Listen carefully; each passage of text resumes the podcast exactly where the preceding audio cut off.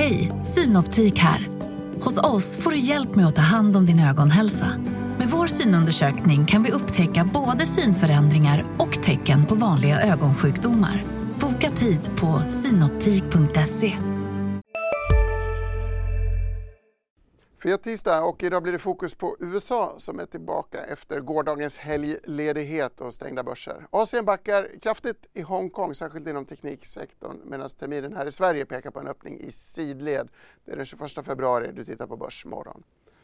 Varmt välkomna. Vi ska prata om Wall Street alltså och amerikanska rapportsäsongen. Kanske blir det lite inverterad räntekurva på det. Och så har vi fått ett par rapporter, Ambulance, Corem, liksom Stenhus Fastigheter som är med oss lite senare.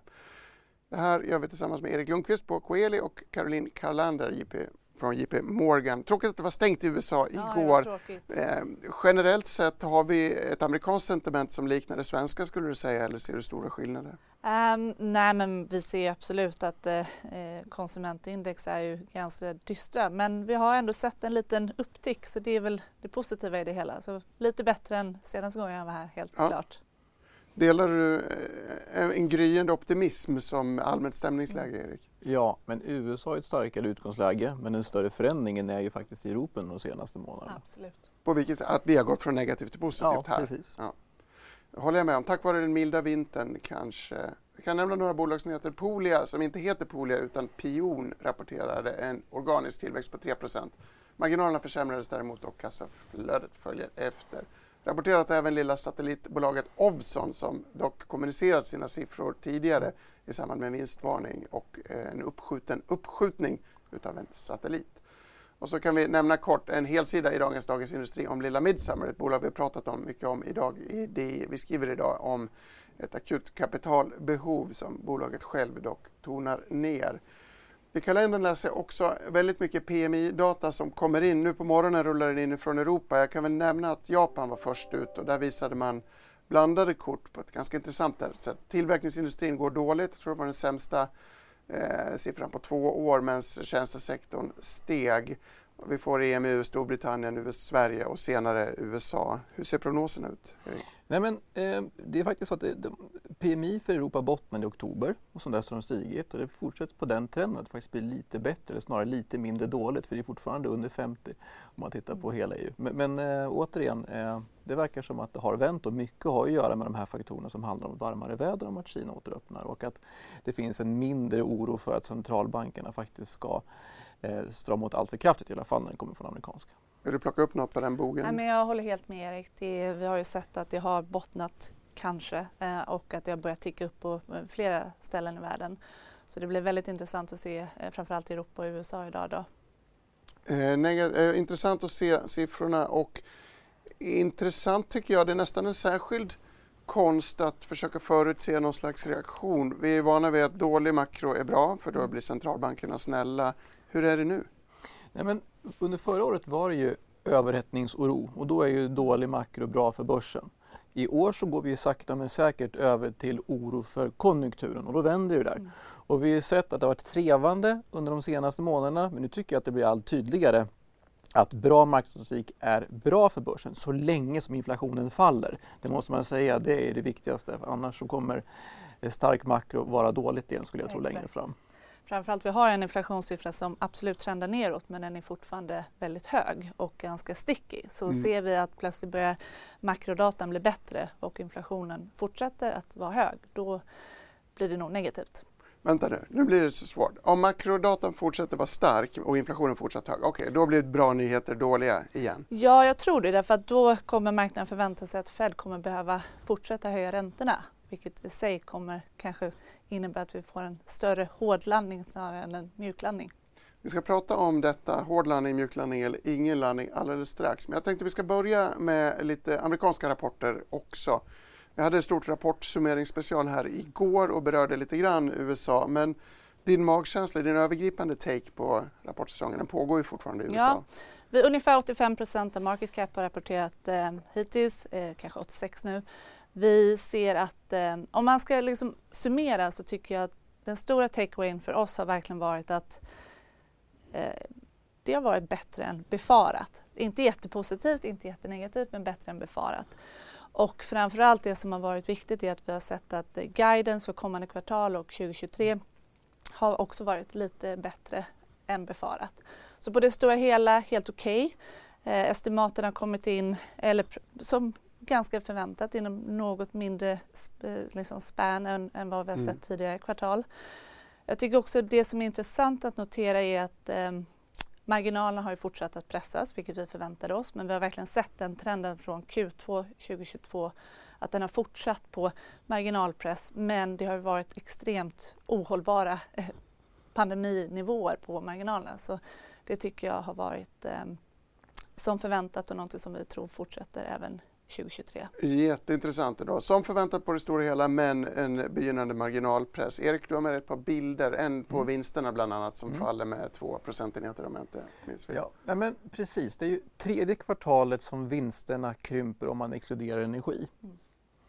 Eh, men lite grann som du är inne på så är det ju så att det här har varit ett kvartal som det inte har hänt så mycket med marknaden. Den enkla anledningen att det blivit som väntat. Mm. Förväntningarna har varit träffsäkra, ovanligt träffsäkra den här gången. Och det har också varit så att bolag som presterar bättre eller sämre än förväntningar faktiskt inte varit så stort utslag på börsen som det varit under tidigare kvartal. Vi är vant oss vid att det blir väldigt stora slag, ja. framförallt för de bolagen som inte når förväntningarna. Ja. Men så har vi inte haft den här Nej. gången och det tycker jag är spännande. Och jag tror att en del av svaret på det där är ju också på positioneringen. Att många av de här bolagen eh, som kanske haft lite svagare resultat har inte funnits så mycket säljare i exempelvis. Nej. Vi såg ju framförallt i vissa av de tidigt, eh, ja, tidiga cykliska bolagen, säg en Dow Chemical till exempel, som hade en ganska dålig rapport. Men hände inte jättemycket mm. med, med kursen. I, om vi jämför med Q3, jag pratade om några av våra semiconductors i Q3 som vi tyckte vi visste att de skulle komma in med dåliga siffror, vi tyckte de hade flaggat väl men ändå så handlades aktierna ner rejält. Så nu kanske man ser någon typ av att marknaden börjar prisa in någon typ av botten på vissa av de tidigt cykliska bolagen, vilket är intressant. Det låter väldigt intressant och hoppingivande. Vi har ett par bilder till. En handlar om den här träffsäkerheten som ni varit inne på. Men det kanske är ett led i det du är inne på Caroline, att, att marknaden, pris, och analys, analysförväntningar och utfall på något sätt börjar hitta fast mark. Du får ta den, det är din bild. Ja, ja men så är det. Längst upp till höger står att eh, avvikelsen är 1,6 procent, vilket i princip är ingen förväntan. Så det blir mer eller mindre som väntat. Eh, men det som har varit som haft störst uppmärksamhet under den här kvartalsrapporten det är ju förväntningar på kommande kvartal. Mm. Och där har ju marknaden börjat justera ner förväntningarna på båda de två kommande kvartalen. Men det har inte fått utslag på börsen och det är en av det enkla skälet att det här var ju ganska väntat. Man visste att bottom-up eh, förväntningarna var för höga. Är man alltid så här träffsäker i USA då? Eh, du kanske har en annan typ av dialog? Ja, nej, men det finns ju även bilder på det där som visar på att man blivit bättre och bättre de senaste kvartalen. Såklart så var det ju eh, betydligt svårare när man var inne i pandemin och när det var större, liksom, när, det var större när centralbanken agerade mer eh, oväntat eh, som i början på förra året. Men som man ser här, här man har den här slalombacken som går neråt visar på att man blivit bättre och bättre på att förespå att marknaden tar vägen någonstans. Någon reflektion på det? Ja, jag, jag håller med. Ja. Absolut. Ha, vi har nått harmoni mellan marknad och eh, eller, eh, bolag och analytiker och vi har summerar en än så länge hygglig rapportsäsong. Vi ska återkomma till några rapporter som ligger framför oss. Vi har ett par intressanta redan idag apropå konsumtion. Apropå konsumtion ska jag vända blicken till Sverige och Norden. Vi fick en e-handelsbarometer nu på morgonen. Det var inget vidare. E-handelsåret 2022 blev historiskt dåligt. För första gången någonsin uppvisar branschen en försämrad omsättning. De här siffrorna kommer från Postnords eh, barometer som görs i samarbete med Handelns utredningsinstitut, HIU Research och bygger på konsument och företagsundersökningar. Och på den negativa bogen säger jag varmt välkommen till Olle Svensk, VD för Embellence som rapporterat eh, och förstås är en e-handlare. Olle, roligt att ha dig med. Ledsen om jag inledde presentationen med dåliga nyheter kring e-handeln i allmänhet. Hur var ert kvartal och hur ser du på stämningen för, för de, den digitala handeln?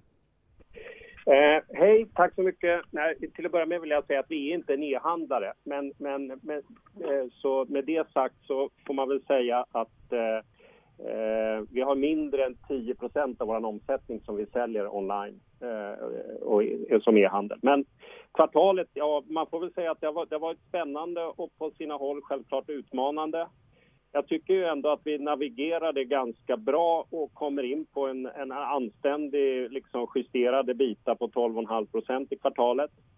Eh, det, det, Norden är utmanande för, för oss vad det gäller efterfrågan. Eh, och det, man kan väl säga egentligen att det är Norden, konsument och även mid-market som är, är det som, eh, som är utmanande för oss. Medan premiumdelen av vår affär den går bättre. Europa går eh, riktigt bra på många håll och även hospitality, alltså försäljning till hotell, till, till restauranger och kaféer och så vidare, det går riktigt bra. Men eh, visst, det, visst, har det varit eh, eh, tuffare i, i Norden, det är det, är det ju. Det, det är ju tveklöst så.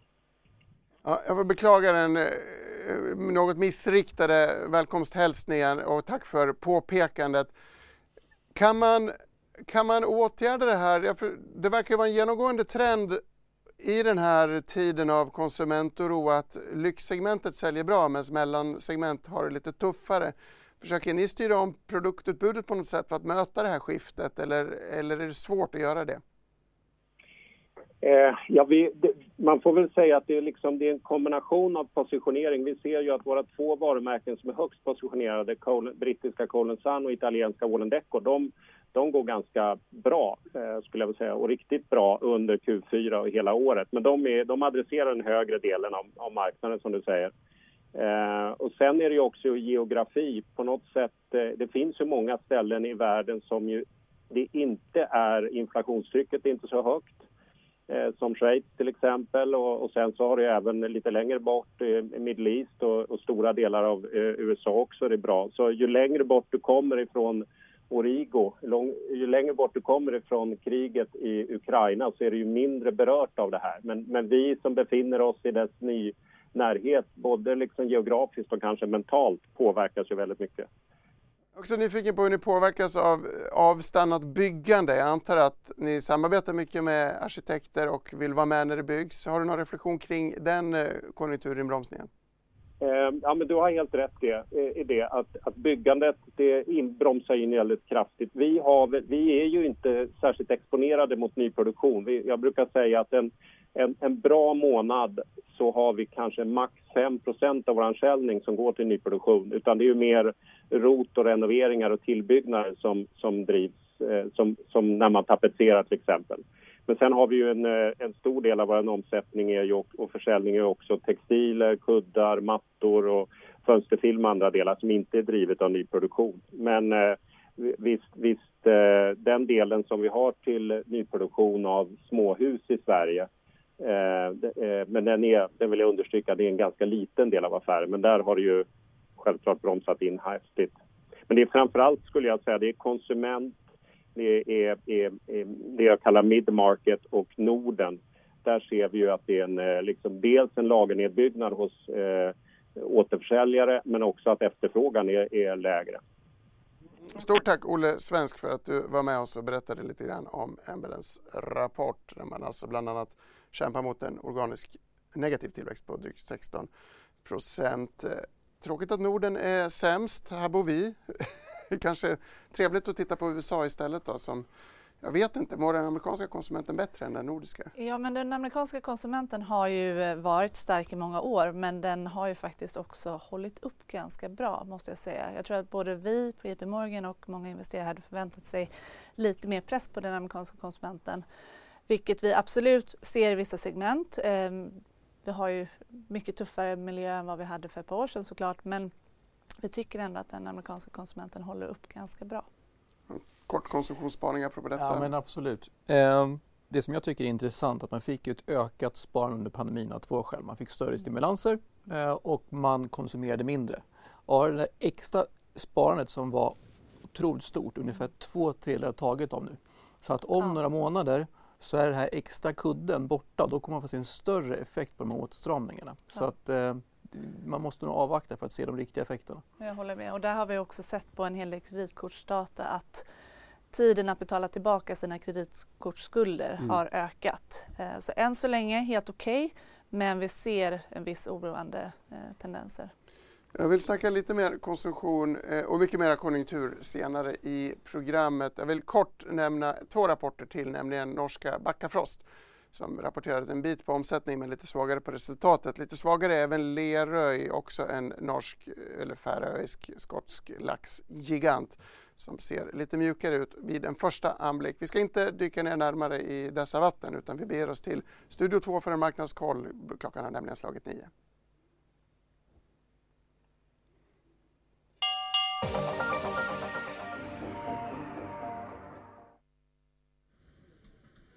Ja, Stockholmsbörsen har öppnat och fortsätter ändå lite neråt efter gårdagens stängning ner. Och på storbolagslistan hittar vi Electrolux just nu i toppen och SBB och Kinnevik i botten. Och vi har ju fått in några få rapporter nu under morgonen, bland annat fastighetsbolaget Corem som är ner 1,5 procent då man minskar resultatet jämfört med motsvarande kvartal förra året och föreslår fortsatt utdelning. I samma sektor så har First North-listade Stenhus kommit med rapport och de är ju snart med oss här i sändning. Och där har, ser vi att det handlas runt nollan efter eh, att även deras resultat minskar. Då Collective de kommer med rapport efter stängning efter deras omvända vinstvarning tidigare, även där runt nollan. Eh, pion tidigare Polia, de rasar tvåsiffrigt. De har redovisat halverat rörelseresultat men en ökad omsättning. Och tapetbolaget Embulance som ju precis var med oss här i sändning, de är ner 5% på sin rapport. Och så har vi fått nyheter om att både Swedish Sterling och Irlabs VD har blivit uppsagda och de rasar 2% vardera. Readly de handlas runt nollan då deras största ägare Swedbank Robur har sålt hela sitt innehav motsvarande omkring 8, motsvarande 8,8 procent av bolaget. Bonnier News fick en förlängd acceptperiod eh, för budet på Readly och det utgår nu på torsdag. Och som du var inne på Gabriel så tonar ju First North-noterade solenergibolaget Midsummers VD ner kapitalbehovet och där ser vi att aktien den rasar 8,5 procent inför rapporten som kommer nu på fredag. Och bland dagens rekar så inleder Carnegie bevakning på mjukvarubolaget Adnode med rekommendationen köp och riktkursen 135 kronor och där ser vi att den stiger 2% Elekta tappar närmare 1 trots att man får en höjd riktkurs från SEB från 67 till 75 kronor. Ratos får sänkt riktkurs och tappar en halv procent eh, från Pareto från 60 kronor till 48 kronor och upprepar köp. Men Stockholmsbörsen ser vi att den är svagt ner men storbolagslistan handlas just nu runt nollan så det blir spännande att se där vad som händer nu under dagen. Ja, jag kan väl notera en viss räntedriven oro. Hej, Ulf Kristersson här. På många sätt är det en mörk tid vi lever i. Men nu tar vi ett stort steg för att göra Sverige till en tryggare och säkrare plats. Sverige är nu medlem i Nato. En för alla, alla för en. Vi är specialister på det vi gör, precis som du. Därför försäkrar vi på Swedea bara småföretag, som ditt. För oss är små företag alltid större än stora och vår företagsförsäkring anpassar sig helt efter firmans förutsättningar. Gå in på swedea.se företag och jämför själv. Svensk KPIF-inflation väntas vara 4% om ett år. Vi fick Kantar prospera inflationsförväntningar nu på morgonen. 2,2% om två år och 2,1% om fem år. Jag vet inte hur man kan gissa så precis om tider så långt fram. Men vi fick ju ett ränteuppställ i Sverige igår på grund av inflationsutfallet och Riksbanksprotokollet där bland annat Anna Breman har svängt från duva till hök. Är det här en bredare ränta? Ser vi liksom amerikanska räntor komma upp också? Eh, ja, jag skulle, de har gått upp senaste tiden, eh, vilket har fått upp dollarn och ner aktiemarknaden. Eh, men det känns som att man får någon form av trendlös utveckling eh, i väntan på bättre inflationsdata. Men tillbaka på det angående Prospera, jag tror ändå att de där siffrorna som är långsiktiga, även om de känns rätt spekulativa, är viktiga för det visar ändå att det här inflationsmålet på två år, att man ankaret fortfarande finns kvar och det är viktigt och ger ändå mm. stöd för Riksbanken. Riksbanken har lyckats få svenska folket att tro att man faktiskt är på bollen. Och det där ser vi i hela västvärlden, ja. likadant i Europa och i USA, att de långsiktiga inflationsförväntningarna är inte så långt ifrån målet. Eh, och det där är viktigt. Ja, frågan är om de blir långt ifrån verkligheten eller mm. inte. Men det kanske vi får ta om ett program om fem år där vi följer upp det här. Eh, har du någon amerikansk räntespaning? Nej, men vår, vi, vår förhoppning är ju att eh, Fed kommer höja 25 punkter nästa gång och att man sen pausar. Um, lite olika på marknaden vad mm. man tror om det, helt klart. Och framförallt med tanke på den senaste tiden data. Um, vi skulle tycka att det var väldigt negativt för ekonomin. Eh, just med tanke på att penningpolitik tar lång tid att komma in i datan. Vi har en, en, en inflation som är väldigt hög förvisso men vi måste liksom låta det här ta lite tid. Vi har många andra saker som kommer ner som kommer liksom, eh, vi tror att arbetsmarknaden kommer bli lite mer pressad. Vi har en extremt låg arbetslöshet i USA för tillfället som är välkänt. Men vi tror att den kommer komma under eh, press under, under året. Inte kanske så mycket som Fed hoppas på om man nu får uttrycka sig så. Men eh, det är någonting som kommer vara absolut key att eh, ta och beakta arbetsmarknaden. Jag tycker det var väl tonen av det vi hört från Jerome Powell att han verkar vilja ta det lite lugnare nu och mm. låta laggen eh, smälta in. Eller vad Hoppas man ska att säga. de vågar göra det också. Ja. Ja, för det känns som att den här stressen att man ligger efter, mm. den är borta. Nu är det mer som finjusteringar. Ja. Men det stora som har hänt, det är ju egentligen inte Fed, det är ju marknaden mm. som har arbetat ikapp Fed. Att förväntningarna på Fed har ju stigit med nästan 50 punkter mm. i marknadsbesättningen. Så nu är man ungefär där Fed kommunicerar med två höjningar. Nu kommer vi tillbaka till tilltron till centralbanker i något avseende. Nu tror marknaden på det Fed säger. Det gjorde man inte för, för en månad sedan. Mm. Och, är vilket är dåligt för börsen. Ja, men så där är det. Eh, men jag tror att var, tänker på att långräntan har ändå stigit kraftigt de senaste veckorna och även om börserna inte har stigit har de varit mer motståndskraftiga än på länge. Mm. Och det tyder på att man är inte så rädd för att centralbankerna har höjt för mycket. Eh, och också det att även om de ska höja mer så är det inte jättemycket till. Det fattar inte jag. Eh, om, ränt, om räntemarknaden ändrar sig, börjar tro på Fed och stiger, då borde ju aktier rimligtvis gå ner och det gör de inte så mycket. Så då, då, tror man på någon, då kanske man landar i det här no landing scenariot som vi var inne på tidigare. Ja, vårt liksom, base case scenario är att vi kommer ha någon typ av konjunkturnedgång eh, under året, en recession men en väldigt mild sådan. Eh, vilket vi egentligen tycker är ganska bra att vi kommer in i en lågkonjunktur för att det har varit väldigt, väldigt överhettat och vi behöver ha en mer normalisering av såväl räntor som inflation och, och ekonomin. Men det är väl snarare på senaste tiden att det kanske börjat kännas lite mer som att kommer den där nedgången ens? Um, så, så det blir att eh, beakta vad som kommer komma här nu på datan. Ska vi inte jaga upp oss med lite oro då? Det här är den inverterade räntekurvan, det är ju aktiemarknadens stora skräck. Den är väldigt brant lutande. Det här betyder att man är pessimistisk. Man får sämre betalt för pengar som lånas ut länge än kort, vilket är en abnormalitet. Ja, men kort så är det ju så att den här grafen visar att den korträntorna är högre än den långräntorna så stramar centralbankerna åt och det brukar sluta i tårar eller recession. Mm. Dock ska man säga så här att vi säger ingenting om hur djup den här är negativ, om det blir en djup och lång eller kort och grund recession. Så det vi kan tro bara på den här och ändå hoppas på Karolins scenario? Ja, men absolut. Det säger ingenting. Det säger bara att en hög risk för en ekonomisk avmattning sannolikt med tillväxt under noll, men ingenting om den är djup eh, eller grund. Eller när. Nej, men så är det ju. Så men, det, men... det är en extremt bra indikation eh, i framtiden, men vi vet inte riktigt vad den säger annat än att någon gång kommer en recession. Antagligen. Extremt bra men extremt oprecis alltså, eh, både tidsmässigt och magnitudmässigt. Väldigt bra. Vi har ett par räntebilder också som vi kan riva av, eh, även om vi varit inne på detta. Stigande räntor ser vi här. Vad är det, vilket, vilket är vilket, Erik? Ja, men här visar jag hur, hur räntemarknaden har styrt börsen un, un, framförallt under det här senaste året. Och då är det kopparfärgade är börsen och den gråa är räntorna. Då. Eh, och det var här jag tidigare sa att börsen har varit ovanligt mm. motståndskraftig för stigande räntor.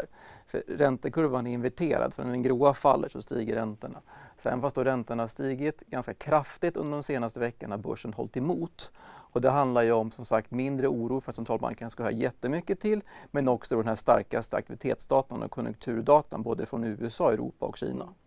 Och där kan man också tillägga att det som är intressant att se i börsuppgången i år är egentligen att det som gick sämst förra mm. året, ja. mycket av tech, consumer discretionary, consumer services, det är det som går absolut bäst. Energi å andra sidan är, är negativt mm. i USA i år. Så det har verkligen blivit ett skift och det säger mycket om det som straffades väldigt hårt förra året. Alltså allting som har long duration growth, när räntorna går upp så diskonterar man tillbaka det blir mycket mindre attraktivt men det ser vi att det är faktiskt det som leder börsen på uppsidan.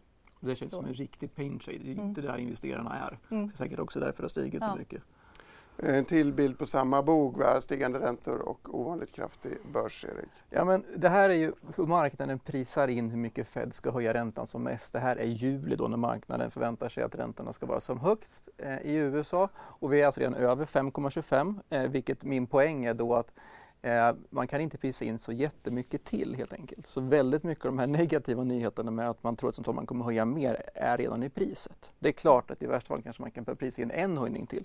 Eh, men liksom, det, det, är inga stora siffror vi pratar om. Eh, ganska betryggande. Då. Vi, har, vi har accepterat räntehöjningar, till och med räntemarknaden tror på dem, men det skrämmer inte slag på börsen.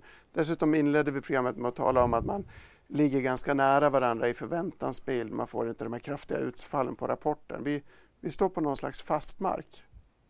Kan, vi, kan man ha det som en optimistisk liksom, take från det här räntescenariot?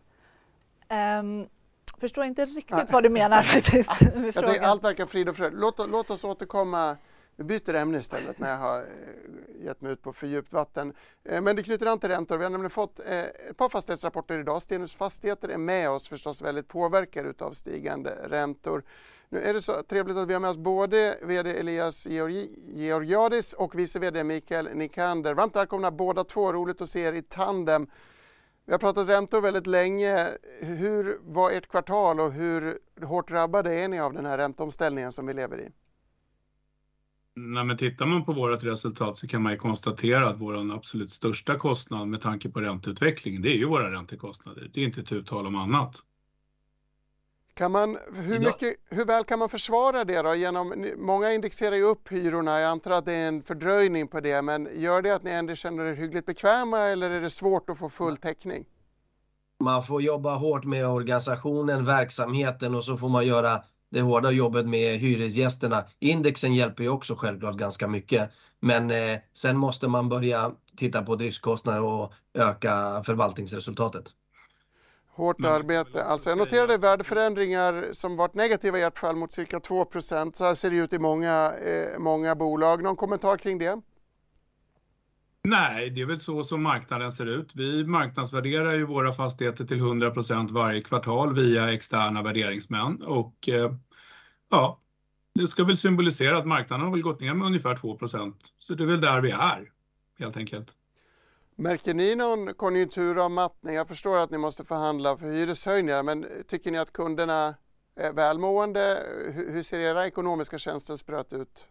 Eh, våra, våra kunder är välmående. Vi har väldigt bra kunder och vi har inte behövt förhandla så mycket angående index och hyreshöjningar. Det har funkat väldigt bra faktiskt och eh, eh vi har jobbat hårt med det. Man kan väl också tillägga där att vi har ju en fantastiskt fin hyresgästmix i vår portfölj med extremt starka motparter.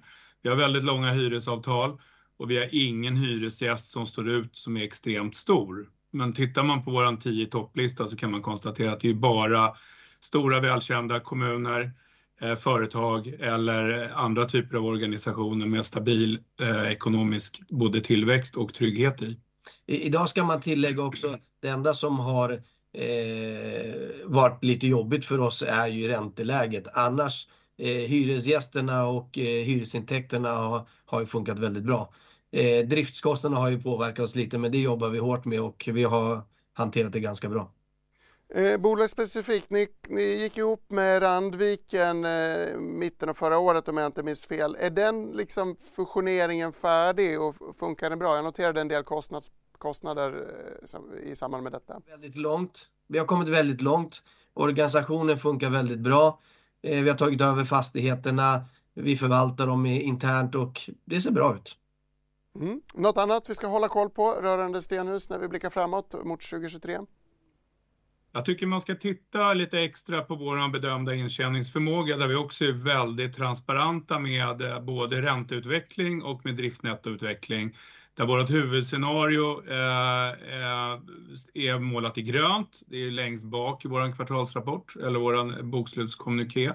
Eh, men vi låter också driftnettot variera plus minus 10% och räntorna plus minus 100% eller 100 punkter.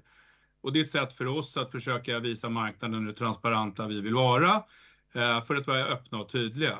Och du ställde tidigare också en fråga om kostnadsutvecklingen och här tror jag att det är viktigt att komma ihåg att Q4, vi fakturerar ju ut i princip alla våra kostnader, vilket innebär att hyresintäkterna efter våra stora försäljningar under Q3 är i paritet med det, men driftkostnaderna är högre och stor del av driftkostnaderna är ökade elkostnader som vi i vår tur fakturerar ut på kund.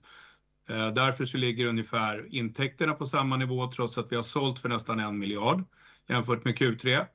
Eh, men kostnaderna är något högre, men driftnettot ligger precis i paritet med den bedömda intjäningsförmågan som vi gjorde i vår Q3-rapport. Sen får man inte glömma att vi har ju växt ganska kraftigt eh, två år. Så nu, det här året är ju mycket att se över organisationen och titta på det viktiga. Det viktiga som vi har i bolaget, det är ju fastigheter, hyresgäster, förvaltning av fastigheter. Det är det som är det viktiga i bolaget. Så att det är det vi jobbar stenhårt med nu och det är det vi kommer göra under 2023. Så att eh, det här kommer bli ett bra år eh, för Stenhus Fastigheter. Och som du sa innan, vi har ju integrerat de här två bolagen och organisationen. Sen tror jag också att det är jätteviktigt att poängtera en sak till. Vi skickade ut ett PM i torsdags där vi eh, kommer lösa vår obligation som förfaller i maj i förtid. Eh, ja, det låter betryggande att ni jobbar med både fastigheten och finansieringen. Tyvärr måste vi bryta där, men väldigt roligt att lyssna Elias och Mikael. Stort tack och varmt lycka till. Jag vill nämna kort att eh, KRM också har rapporterat den här morgonen. De tar ner värdet på sina fastigheter med nästan 3 miljarder. Även finansiella tillgångar justeras ner med 1 miljard. Vi har sökt Eva Landén som inte kunde närvara, bolagets VD. Vi har också sökt Rutger Arnhult förstås. Eva skriver dock i sin VD-kommentar att hela fastighetssektorn står inför en period av högre finansiella kostnader till följd av högre räntor i linje förstås med vad vi hörde från Stenhus. Finansmarknaden har samtidigt visat sig allt mer volatil. Ändå jobbar man för att åtnjuta någon slags stabilitet i detta kaos. Vi gör som vi har gjort tidigare i programmet, vänder från svenska bolag till amerikanska, lite större perspektiv. Fastighetssektorn over there. Ja, fastighetssektorn. Först och främst kan man säga såhär att så som vi investerar i fastighetsbolag i, ja, på S&P 500 är en aningen annorlunda bolagsform som kallas Real Estate Investment Trust och REITs. Det är en väldigt skattemässigt bra struktur, men det innebär också att bolagen i princip delar ut minst 90% av sin vinst till aktieägarna varje år. Så lite annorlunda än. En slags fondstruktur. Precis. Där man uppmanar till hög utdelning. Man måste för skatteskäl. Så det är lite annorlunda än svenska börsnoterade fastighetsbolag. Vi är faktiskt ganska konstruktiva till REITs i, så detta är alltså då noterade bolag. Så nu pratar jag inte om onoterat, utan noterade bolag är vi fortsatt ganska konstruktiva över i USA av framför allt tre anledningar. Den första är att vi har en fortsatt ganska god ekonomisk eller organisk tillväxt. Vi ser en EPS growth inför kommande år på 7%, 8%, 9%, vilket känns i dagens miljö ganska starkt. Kan man gissa att det är hyreshöjningar där också som? Det är flera, men man ska också ha med sig att vi har sett en mycket mindre supply under ett par år på grund av pandemin. Vi har också sett under 2022 att kapitalmarknaden är ju som vi också. Oroligast. Ja, som oroligast. Vi har mindre supply och sen också att just i S&P 500 så är det den sektorn som delar ut eller har högst avkastning. Har varit ganska attraktiv för investerare. Värderingarna är mixade, så om vi ser på våra core-portföljer så är vi fortfarande liten övervikt. Våra value-portföljer är underviktade just på grund av värderingarna har liksom blivit lite för dyra och de hittar andra alternativ till bolag som når deras investeringsprocess. Så klart i våra growth-portföljer så äger vi i princip ingenting för det är inte speciellt Sån hög tillväxt. Men Med det sagt så har vi så klart eh, en väldigt, vi är väl medvetna om makroriskerna inför 2023. Så Där vi tycker ehm, om man bryter ut REITs och bolagen så tycker vi mest om eh, en del av logistik, fortfarande en del av industrial eh, REITs. Vi tycker om en del special residential, så till exempel studentbostäder eller mer inriktat mot hälsovård, så senior housing eller kanske äldreomsorg. Vi är fortsatt väldigt försiktiga till retail, framför allt stora malls och även kontor där vi ser strukturella svårigheter även framöver. Någon fastighetsspaning ifrån dig? Det här knyter ju an till räntesnacket innan. Nej, men jag tror att mycket av osäkerheterna försvinner under det här året i och med att centralbanken liksom är närmare sig toppen. Men jag tror att det som är viktigt med makroklimatet det är ju det att det står för så stor del av KPI. Eh, och det ser man att de här eh, kontrakten som, som, de här nya kontrakten som skrivs på är ju inte inflationen alls lika hög. Så vilket gör att tittar man på Zillow, de här bästa indikatorerna som tyder på att Shelter kommer komma ner kraftigt. Mm Eh, Shelter är alltså boendekostnaden i inflationskorgen? Ja, men precis. Som står för en väldigt stor del av, mm. mycket större del av KPI-korgen i USA man gör här i Europa. Mm. Eh, så det är därför som marknaden eh, förväntar att inflationen kommer falla tillbaka här. Men man har ju hoppats på att Chelsea ska komma ner tidigare och det är mm. så mycket annat som tar längre tid än vad man tidigare har trott. Då. Intressant, då har vi fast amerikanska fastigheter både som investeringscase och som eh, välvillig faktor i inflationsnedgången, mm. hoppas vi. Och sen ska man tänka som eh, för privatpersoner om man ser på housing är också det är en ganska stor skillnad i USA där man gör sitt mortgage och så binder man det på väldigt lång tid kontra i Sverige mm. där vi har en väldigt hög belåning på, på befolkningen men också där mycket är i rörligt. Så det slår. Ja, vi är världsmästare på rörligt. Det slår ju väldigt mycket hårdare och snabbare för oss, tyvärr. Någon gång ska jag lära, lära mig själv och lära tittarna hur de här 30-åriga bostadslånen funkar i USA. Vad händer när man flyttar till exempel? Antar att man kan refinansiera på något sätt. Avslutningsvis då, eh, vi har en bild till på amerikansk inflation som faller tillbaka där fastigheter kan vara en av flera pådrivande faktorer. Det här ser ut som ett väldigt brant fall även om det är lite svårt att se exakt i kurvorna. Erik, vad är det vi tittar på? Ja, men vad det här är, de visar på de fem stora tillfällena i USA mellan 1940-talet och 80-talet, vet enkelt om man hade inflation förra gången, vad som har hänt. Och, för det finns ju en stor diskussion just nu att ja, men det är klart att inflationen kommer falla tillbaka från en hög nivå snabbt, men vad händer sen då? Kan det ta stopp? Alltså, kan det komma en andra våg? Men, precis. Precis, men historiskt sett så bruk, när det väl har vänt ner så brukar det vända ner snabbt och anledningen till det är ofta det att när centralbankerna strömmar åt brukar, slu, brukar sluta med recession. Helt enkelt, svårare än så är det ju inte. Men det här är ju också, man ska säga, bullcaset för börsen att inflationen faller tillbaka eh, snabbare. För att då kommer det sätta sig på långräntorna som i sin tur är det kanske det viktigaste för bolagens eh, multipel. Tack där. Ja, jag håller med igen. Men, det är väldigt intressant och det är någonting som kommer, ja det är ju det vi bevakar varje dag just nu. Jag ska försöka ställa min förra fråga igen. Vågar vi vara optimistiska till börsen då, utifrån den här diskussionen? Det var väl tydligare formulerat? Ja, det var tydligare formulerat. Jag tror så här att eh, Ja, vi är optimistiska till börsen, försiktigt optimistiska. Vi tror framför allt att 2022 var ett väldigt dåligt år för börsen, lite bättre för ekonomin. 2023 blir ett ganska dåligt år för, eh, för ekonomin, men ett mycket bättre börsår. Mm. Sen med det sagt så har det gått väldigt starkt sen vi dippade där i september, oktober. Det kommer vara volatilt, det tror jag. Men någonstans under första kvartalet, äh, första halvåret så tror vi att vi kommer bottna och sen att vi får en, en, en hyfsat bra uppgång. Vi har haft väldigt starkt aktivitetsdata. Eh, så att jag tror att just nu så, är, så handlar börsen med ganska tunn luft. Eh, för att uppgången ska fortsätta från de här nivåerna så behöver vi nog ha liksom en dos av god inflationsdata mm. till. För annars kommer det nog bestå i den här oroliga perioden ett tag till. Men likt den där grafen som vi precis visade så är ju min tro att inflationen kommer verkligen falla tillbaka under året. Men det är en process som tar tid mm. och det är spretigt och det visar inte till samma håll. Så att under perioder kan det skapa stora svängningar som du är inne på men jag tror att trenden eh, kommer liksom fortsätta vara fallande. Och jag tror att det viktigaste för börsen under det här året är vad som händer med långräntorna. För att eh, det är svårt att säga om börsen är billig eller dyr. För liksom om, om långräntorna ska vara de är här, närmare 4 långsiktigt, då, då är börsen dyr. Historiskt sett när börserna har värderats kanske på 14 när räntorna är 4, men ska man ner på kanske 2-2,5% i långräntor, då har ju börsen handlats på 2022 historiskt. Så att det är väldigt avgörande. Får vi ner mm. inflationen faller långräntorna och så kommer vi få med sig börsen. Så jag tror att även det här året kommer vara ovanligt makrodrivet eftersom inflationen är så viktig. Tioåringen styr börsens eh, öde och synen på om det är dyrt eller inte. Vi ska faktiskt gå till börsen, men till Stockholmsbörsen och Matilda vid Studio 2. Varsågod. Tack så mycket. Ja, men just nu så handlas det i sidled kan man säga. Det var för en stund sedan var det ändå uppåt, men det går väldigt fort här att det switchar mellan över och under nollan helt enkelt. Electrolux är fortfarande en tydlig vinnare bland storbolagen och i botten så är Kinnevik just nu i där med en svag nedgång. KRM har återhämtat sig lite på sin rapport men är fortsatt ner en halv procent. Pion de har rasat tvåsiffrigt och Embulance de är ner runt 6,5 procent.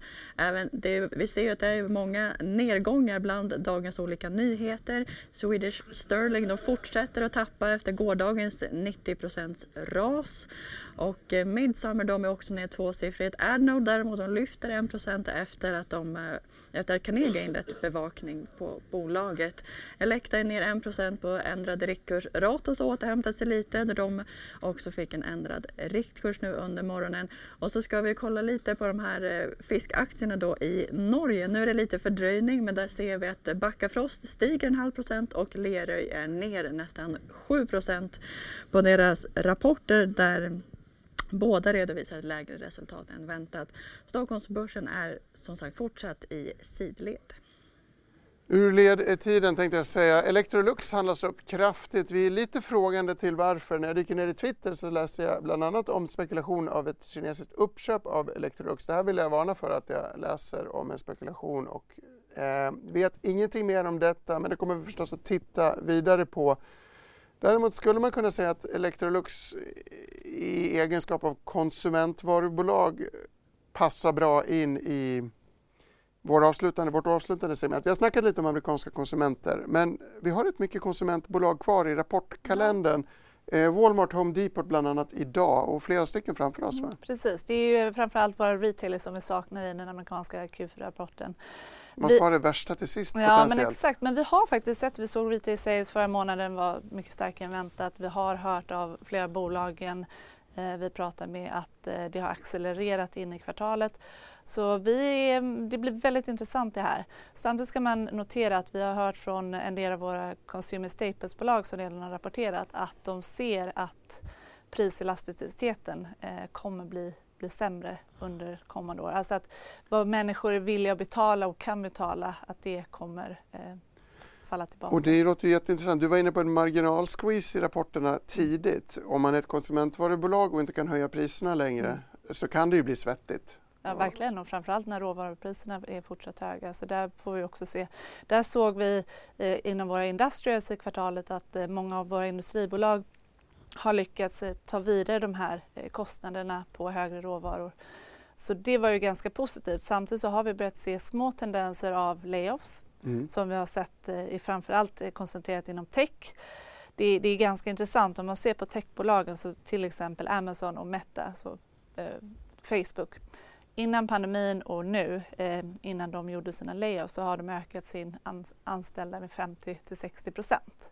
Så att vi kom... Och nu hyvlar man lite på det? Ja. ja. men de har ju överanställt men det var ju också en annan, under pandemin så mm. gick de här bolagen extremt starkt. Eh, och vi har även sett en del i finans som har börjat eh, eh dra ner lite. Fortfarande ganska låga nivåer, vi har en extremt stark arbetsmarknad men jag tror att det blir väldigt, väldigt eh, viktigt att titta på detta.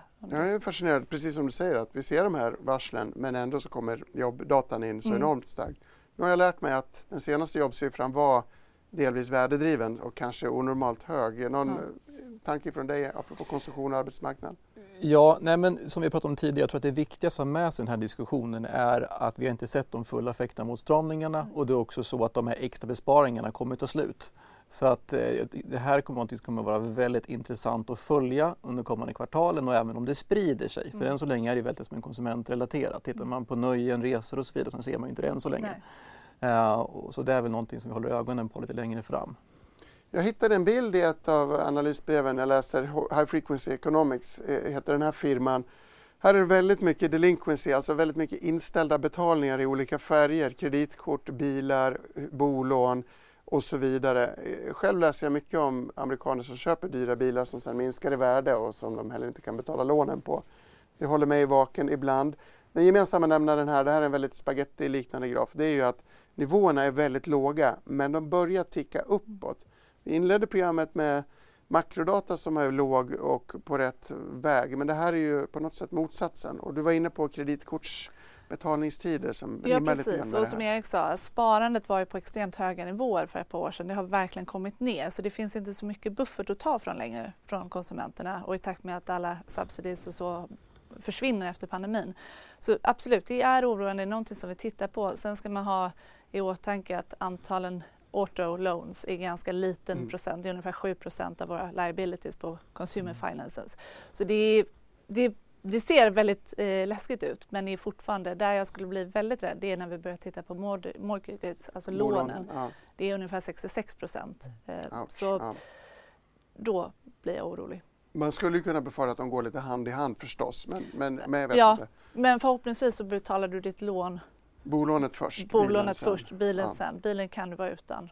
Och du kanske också kan ta smällen av eh, förlusten på en bil jämfört med ett hus. Nej, men jag tycker det är tydligt att man vill verkligen inte ändra livsstil och man verkligen, verkligen inte måste. Så därför tar man ju till sånt här. Det är därför Mm. man skapar de här psykiska svängningarna. Eh, så att man måste tvingas in, in i det här. Eh, så att det, det, håller med dig. Det där är intressant statistik att följa men som sagt det kommer från låga nivåer men det där behöver vi ha koll på. Det kommer från låga nivåer men brasklappen är, om man ska ha ett pessimistiskt scenario i åtanke i alla fall, så är det att det kan accelerera väldigt snabbt eftersom man väntar så länge med att anpassa sig. Mm. Tolkar jag det rätt då? En sista fråga, hur öppnar USA-börsen då nu när vi har pratat så mycket Wall Street? Ja, men vi började den här sändningen med att säga att USA-börsen var stängd igår. Mm. Eh, så att terminen visar på ungefär 50 punkter ner. Eh, vi har även stigande långräntor. Eh, men jag tror också att amerikanska börsen tar igen lite grann hur omvärlden utvecklades under gårdagen. Och vems födelsedag firade amerikanerna med helgledigt igår? President. President George Washington, den första presidenten. Hörni, eh, ingen mer frågesport utan vi säger paus, eller tack för oss och paus. Vi är tillbaka imorgon. Vi drar igång 07.25 imorgon där Biko är först ut i vad jag tror är rapportsäsongens sista rapportmorgon. Kolla vilken bombmatta. Här har ni hela schemat. Smält den, eh, gärna med en semla, det är ju fet tisdag idag. Njut av denna vackra februaridag och väl mött igen imorgon och förstås klockan 14 som vanligt för Börskoll. Caroline, Erik och jag tackar för oss och önskar dig en fortsatt glad dag. Tack!